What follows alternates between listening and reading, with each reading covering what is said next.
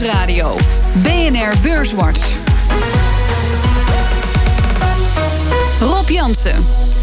Welkom bij Beurswatch, het enige beleggingsprogramma op de Nederlandse radio. Met Richard Abma van OHV Vermogensbeheer en Kees Smit van Today's Vermogensbeheer. Welkom. Um, ja, het was weer een roerige week, zoals we de laatste tijd wel vaker zien. Deze week met uh, een Brexit white paper waarin Theresa May haar plannen bekend maakte.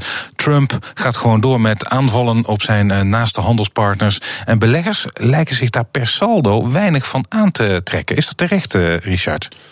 Ja, ik denk dat het wel uh, terecht is. Uh, recent uh, hadden we toch een soft patch in Europa. Maar de, de recente macro-economische cijfers vanuit ons continent vind ik toch beter dan verwacht binnenkomen. Maar ook bedrijfscijfers zijn overwegend wel positiever dan verwacht werd. Kees, mee eens? Nou, niet helemaal, of helemaal niet, misschien wel. Uh, nee, ik denk dat, dat uiteindelijk zouden we wel iets met die, met die trade wars moeten doen. En, uh, en ook met, uh, met Trump zouden moeten doen natuurlijk. Want ik bedoel, hij is redelijk. ja, de ene keer heeft hij de ene mening en even later weer een andere mening. En dat zou niet helemaal goed moeten zijn voor de beurs. Het was de week waarin bekend werd dat ingenieursbureau Arcades liet weten dat het zijn best renderende dochter in de VS niet wist te verkopen. Schokkend vindt Corné van Zijl van Actiam. Met name Kellensen is pas in uh, 2014 overgenomen en nu al voor de ramsprijs uh, eruit. En dat lukt ze nog niet eens om te verkopen. Maar toen maakten ze uh, in, in een eentje bijna net zoveel winst als het totale bedrijfsonderdeel als geheel nu. En dat is toch wel vrij dramatisch. En het was de week waarin Steven Mnuchin, de Amerikaanse minister van Financiën, zich moest verantwoorden voor het congres. Is hij en de president niet bezorgd over het feit dat 75% van de CEO's van grote Amerikaanse bedrijven zich zorgen maakt over de handelsoorlog? The president is very much focused on economic growth, and I can also assure you that uh, I am monitoring the situation very carefully. We have not yet seen any negative impact, although, as you said, we, we are monitoring carefully the impact on uncertainty on investment. En Trump zelf maakte een draai. Hij onthield zich bij zijn afscheid in het Verenigd Koninkrijk van kritiek op May's Brexit-plan. Whatever you're going to do is okay with us. Just make sure we can trade together. That's all that matters. The United States looks forward to finalizing a great bilateral trade agreement with the United Kingdom.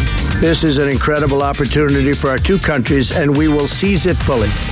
Ja, dit is een uh, draai van 180 graden zoals we wel vaker zien uh, van Trump. Want uh, gisteren was het geloof ik nog zo dat um, ja, die, die Brexit deal die was te soft. En er zou dan dus ook geen deal komen met Amerika. Um, maar laten we even kijken naar die, de, de, wat, wat May zelf voor ogen heeft. Uh, ze heeft deze week twee hardliners zien vertrekken uit haar kabinet. Uh, Davis en Johnson, die wilden een harde brexit. May doet dat niet, kiest voor een zachtere brexit. Um, daarmee buigt ze eigenlijk voor de EU. Is dit een verstandige richting die May opgaat, Richard? Ja, ik denk wel dat het een verstandige richting is. Zeker voor de financiële markten zal het een stuk kalmer blijven dan dat het een harde brexit zou worden. En ik denk nu zeker met die vertrekkende ministers dat voordat het een harde brexit wordt, dat je dan eerder moet gaan denken aan verkiezingen in oktober. Zie jij dat ook zo, Kees? Uh, ja, zeker. Uh, dat is natuurlijk wel beter. Maar andersom, het blijft gewoon een uh, onthoofding. En, uh, en of je nou een zachte onthoofding of een harde onthoofding, maar beide is een onthoofding. Dus, Ja, ja dat, dat, gaat er heel anders uitzien. want met name voor de City, geloof ik, gaat het, die, die wordt de grote verliezer. De banken die daar gevestigd zijn, die kunnen niet op oude voet van daaruit zaken blijven doen met de Europese Unie. Dat lijkt me nee, maar een forse In het zachte plan is wel, zijn er wel heel veel uh, vergunningen zijn makkelijker te krijgen. Dus het personeel uh, uh, zijn er wel, is dat allemaal wel veel beter geworden dan in de oude plan hmm. uiteindelijk. Toch wel. Um, ja, en ik zei, ze is misschien gezwicht voor de druk van de EU, Richard, maar is ze eigenlijk niet gewoon gezwicht voor het bedrijfsleven? Ja, dat, dat denk ik zeker. Kijk, het gaat gepaard met enorme belangen. En de grote verliezer is uiteindelijk het, de UK zelf. Ja. dus, dus ik denk wel dat er, dat er aardig wat speelt achter de schermen. Hmm. Is dus ook een reden voor beleggers om wat dit betreft in ieder geval enigszins opgelucht adem te halen, Kees? Of ja, we weten nog niet wat het wordt. Hè? Nee, dit we weten nog niet wat het wordt. Maar het is in ieder geval voor korte termijn is wel beter om. Uh, je hoeft in ieder geval niet, niet in paniek drama te springen, zullen we maar zeggen. Nee. dat gebeurt ook nog niet als we het hebben over de handelsoorlog. Wil ik het toch nog even over hebben. Want Trump heeft deze week ook voor 200 miljard uh, aan goederen extra aangewezen. Waarop een heffing komt. En dan heb ik het over 200 miljard goederen die uh, Amerika importeert uit China. Naast uh, kikkerbilletjes staan er ook auto-onderdelen op. En grondstoffen en halffabrikaten. Um, Richard, ik hoor dus ja, Trump wil waarschijnlijk met deze oorlog ergens in het midden uitkomen. Maar de uitkomst is nog niet in zicht. Hè? Het lijkt zich eerder te verharden. Ik lees ook al rapporten van ja, de war is on. Kijk, alleen Trump die, die kan zijn mening 180 graden draaien in tijd van een uh, minuut. En uh, kijk, dit, dit is een dreiging, hè, die 200 miljard. Dat moet hmm. in september gaan plaatsvinden.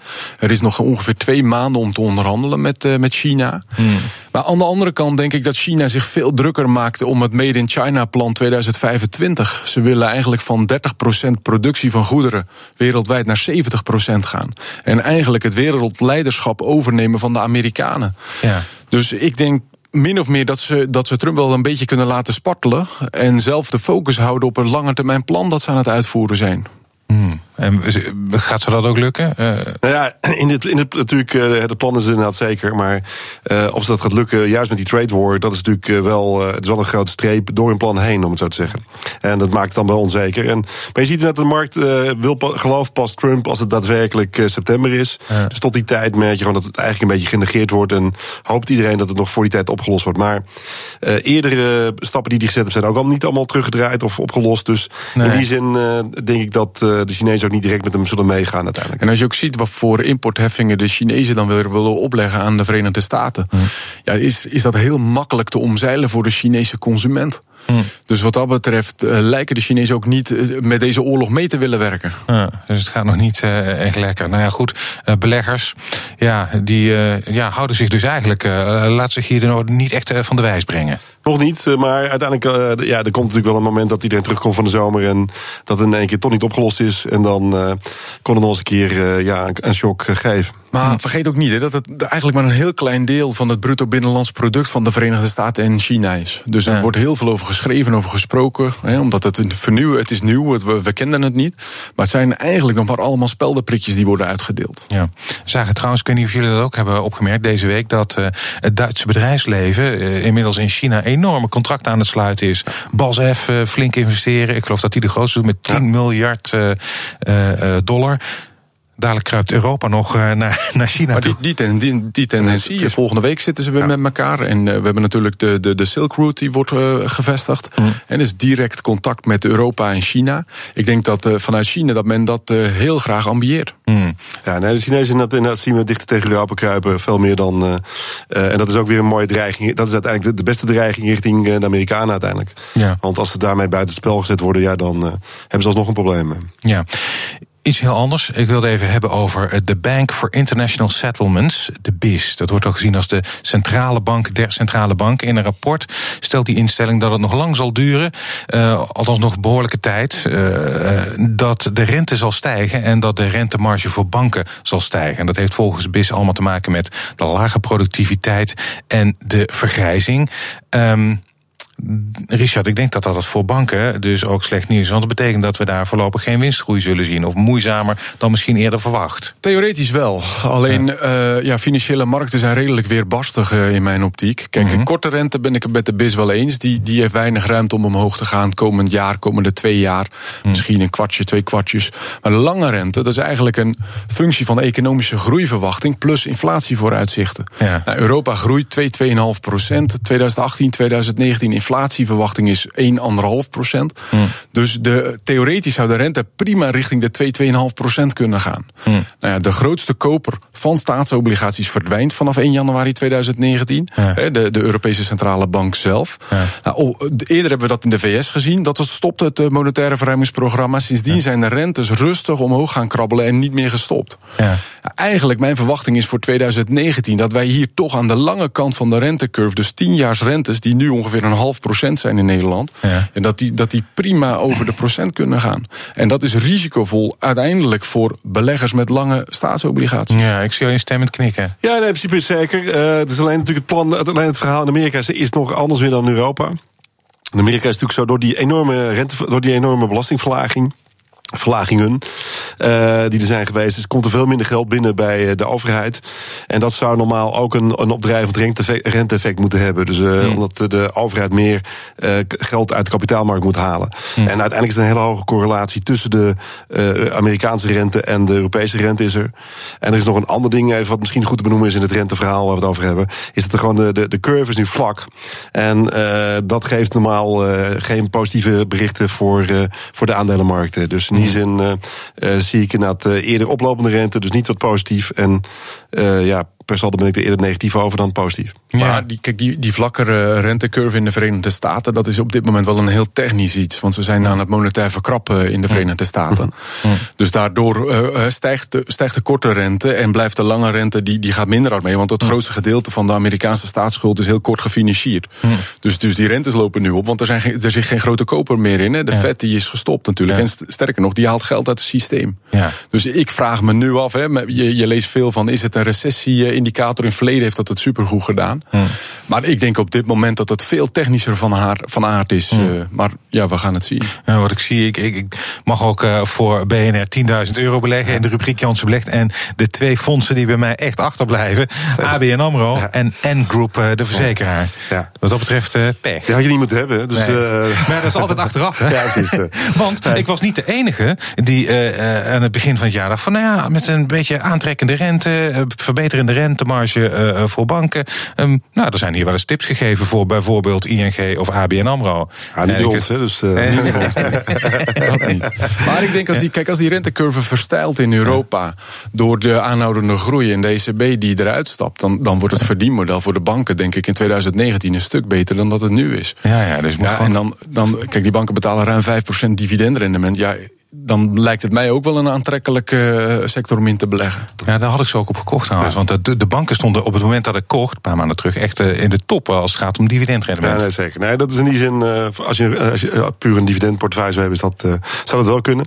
maar eigenlijk, misschien is het wel leuk om de, de, de, de aandelen die dus extreem goed doen op de beurs, dat zijn gewoon de Amazons. En, ja. dus daarmee heb je eerder een beetje een 2000 gevoel dan dat je speciaal moet nadenken over wat je moet hebben. Je, je moet gewoon de de, de, ja, ik, heb, ik, heb, Facebook en Apple er ook nog in zitten. Ja, okay, nou en die doen het inderdaad uh, heel goed. Ja. Uh, en, en anderzijds, in, met name in de Verenigde Staten, zie je wel dat de diepte van de markt, de breedte waarmee, waarmee aandelen omhoog gekocht worden, op dit moment op all-time high staat. Ja. Dus uh, dat, daarvan zegt men juist weer, tweede helft van 2018 kan nog wel heel positief worden voor, door, voor Amerikaanse aandelen, omdat het heel breed gekocht wordt. In plaats van dat het alleen maar tech is, zie je toch dat andere sectoren ook fors gekocht worden op dit moment. Ja.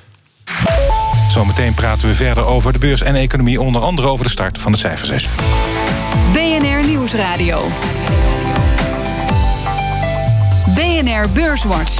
We bespreken de belangrijkste beursontwikkelingen van deze week. Dat doe ik met Richard Abma van OHV Vermogensbeheer en Kees Smit van Today's Vermogensbeheer. Maar eerst maken we de balans op van de afgelopen week. De AEX sloot op 560,1 punten en dat is 1,2 procent hoger dan vorige week.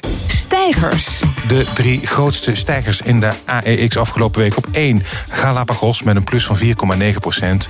Op 2 NN Group met een plus van 3,6 procent. En op 3 Relax met een plus van 3,5 procent. En het midcap aandeel dat het best presteerde deze week, dat was IMCD met een plus van 7,1 procent. Dalers. Daler. Grootste daler afgelopen week. Altis Europe met een min van 3,6 procent. Op 2 ING met een min van 0,9 procent. En jawel, op 3 ABN AMRO ook met een min van 0,9 procent. En in de midcap was de grootste daler deze week Flow Traders met een min van 2,7 procent. En de AEX is deze week vier van de vijf handelsdagen hoger gesloten. Um, eerst even jouw reactie, Kees. Galapagos uh, al de tweede week op rij in de top drie. En Altis tweede week op rij topdalers. Ja. Um, nou, het, het, is meer een beetje trendmatig, zie ik dat inderdaad van uh, beetje de, de momentumbeleggers uiteindelijk. Uh, dat is een beetje wat, wat, wat ik uh, voor de rest zie. Heb ik niet echt berichten erover gezien die, die nee. dat helemaal verklaren. Hmm. Um, ik wil naar de aftrap. Is, ja, het is natuurlijk al begonnen het cijferseizoen. Maar voor mijn gevoel is het altijd, komt het lekker op gang als de Amerikaanse banken met hun cijfers komen. Nou, is vandaag een uh, ja. mooie dag. Um, zij komen traditioneel vroeg. Vandaag JP Morgan, Wells Fargo en Citi.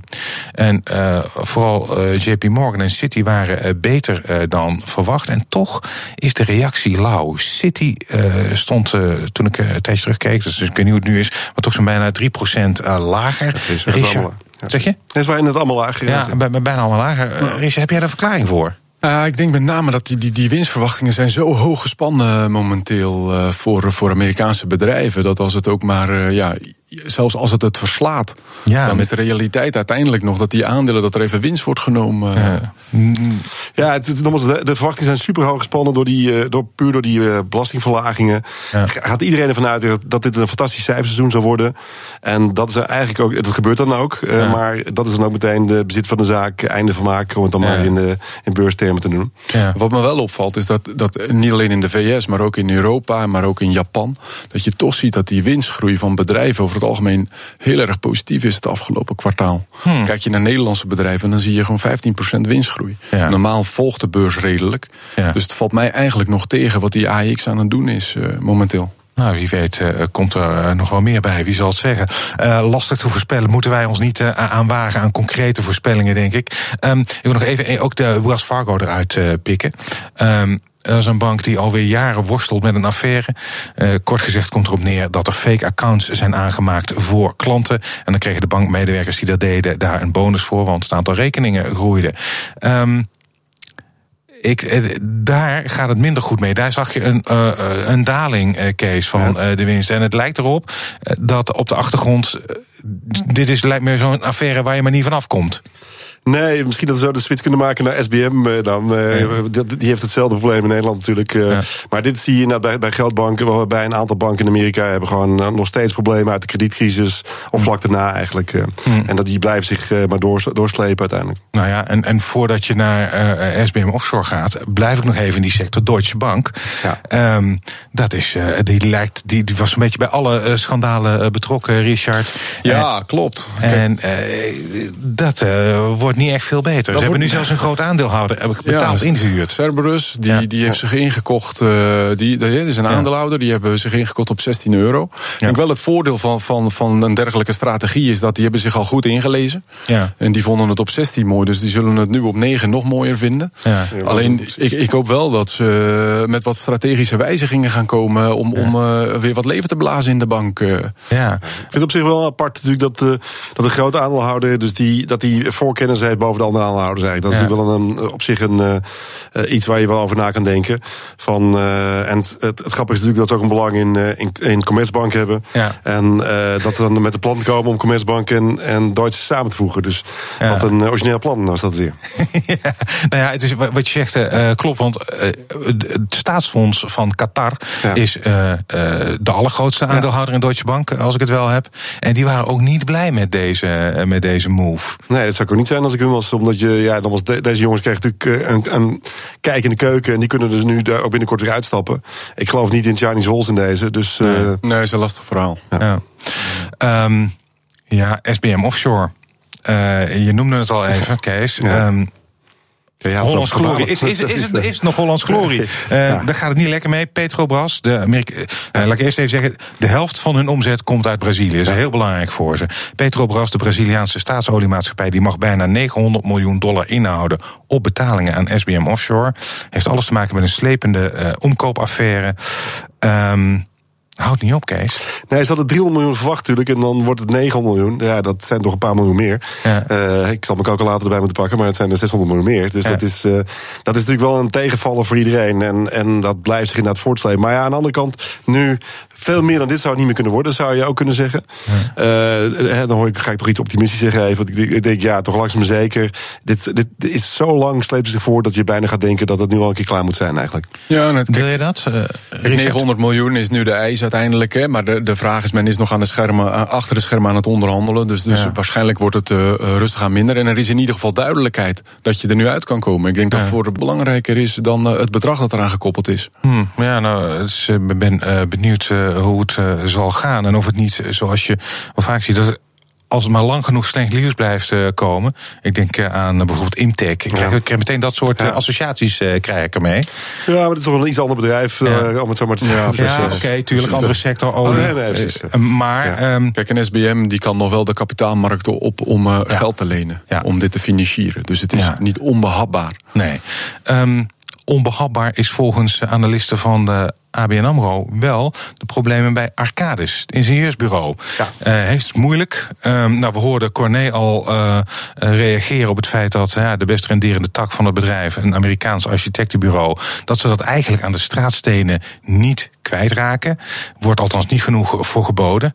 Misschien omdat potentiële kopers weten dat Arcadis op zwart zaad zit, Kees. Ja, dat, dat zou ik denk, nou, denken. Dus dat, dat iedereen weet dat ze, dat ze haast hebben. Uh, maar uh, ja, uiteindelijk is het natuurlijk als, als, als maar 200 miljoen uh, hadden kunnen krijgen, of dat was een, een idee. Ja. En dat is ook een beetje een winst. Ja, dan, dan zie je wel hoe belangrijk het is voor ze uiteindelijk. Dus ja. het is een heel belangrijke verkoop. Maar als die nu niet doorgaat, ja, dan moeten ze toch kijken hoe ze op een andere manier geld kunnen ja, komen. Of dat ze strategische wijziging weer gaan doorvoeren, dat ze die ja. architectentak wel houden. Kijk, op zich is het, is het een mooie business ook de komende jaren die, die winstgevend is. Dus ja, waarom de noodzaak om dat uh, snel te verkopen? De, kern van het probleem, over Brazilië gesproken, zijn we weer. Die, dat is geloof bij biogascentrales uh, die ze hebben. En uh, ja, daar hebben ze ook garanties voor gegeven. Dat is allemaal een beetje boven het hoofd gegooid. Ja, nee, je ziet dus uiteindelijk dat die emerging markets zijn wel degelijk heel veel dingen aan de hand. Ja. Turkije, Brazilië, Venezuela. Ik bedoel, zijn hele rits landen waar het echt enorm rommelt. En daar, daar hebben de bedrijven last van uiteindelijk, die juist in dit soort markten zitten. Ja. Op zich, het bedrijf heeft ongeveer 100 miljoen euro vrije cashflow op jaarbasis. Ja. Dus ze kunnen prima hun uh, dividenden betalen en hun uh, leningen deels aflossen. Dus ze hebben wel wat buffer om klappen op te vangen. Ja. Um, buffer om klappen op te hangen. Maar als nou even vanuit het perspectief van de belegger. En dan neem ik even SBM Offshore en Arcadis. Zijn dat dan ook bedrijven waarvan je zegt, uh, laat maar even liggen, Kees? Nou, als ik, als ik dan moet, moet kiezen met een pistool op mijn hoofd, zou ik voor SBM kiezen. Maar uh, in, in, die zin zou je misschien beide even kunnen laten gaan. En, en het eerst een beetje laten uitbodemen. En dan pas ja. erin springen eigenlijk. Ja.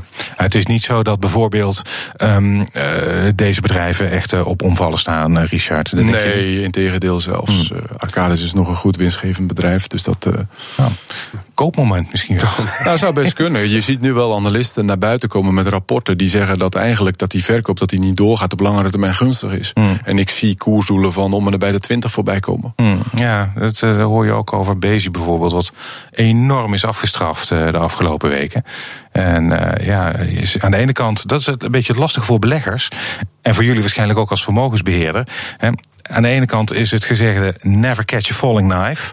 Maar ja, als een koers lekker naar beneden gaat, wanneer is nou het moment dat je moet instappen? Altijd nou, goede, goede financiële analyse doen van de kapitaalstructuur. Kijken of er inderdaad vrije cashflow is, of de leningen laag zijn, of die rentepercentages goed zijn, wat de, wat de perspectief is van het bedrijf. Hm. En daar een case op bouwen. En dan uiteindelijk kun je beslissing nemen als belegger, ongeacht eventjes wat de, wat, wat de technisch fiek is, ja. of, het, of het waarde heeft de toekomst in. Nou, ik moet wel zeggen dat. Uh, kijk, ook, ook, wij kijken naar waarde, maar uh, ik kan wel verklappen ook dat al, iedereen die naar waarde gekeken heeft de afgelopen paar jaar. Uh, de slechtste jaren uit zijn leven heeft. Omdat waarde op dit moment iets wat value heeft, wordt deep value. En dus in die zin is, is waarde niet speciaal de reden. Hè. Ik noemde net al dat juist de, de Amazons van deze wereld, die wat mij betreft nul waarde hebben. ja, die, die, die, doen het fantastisch.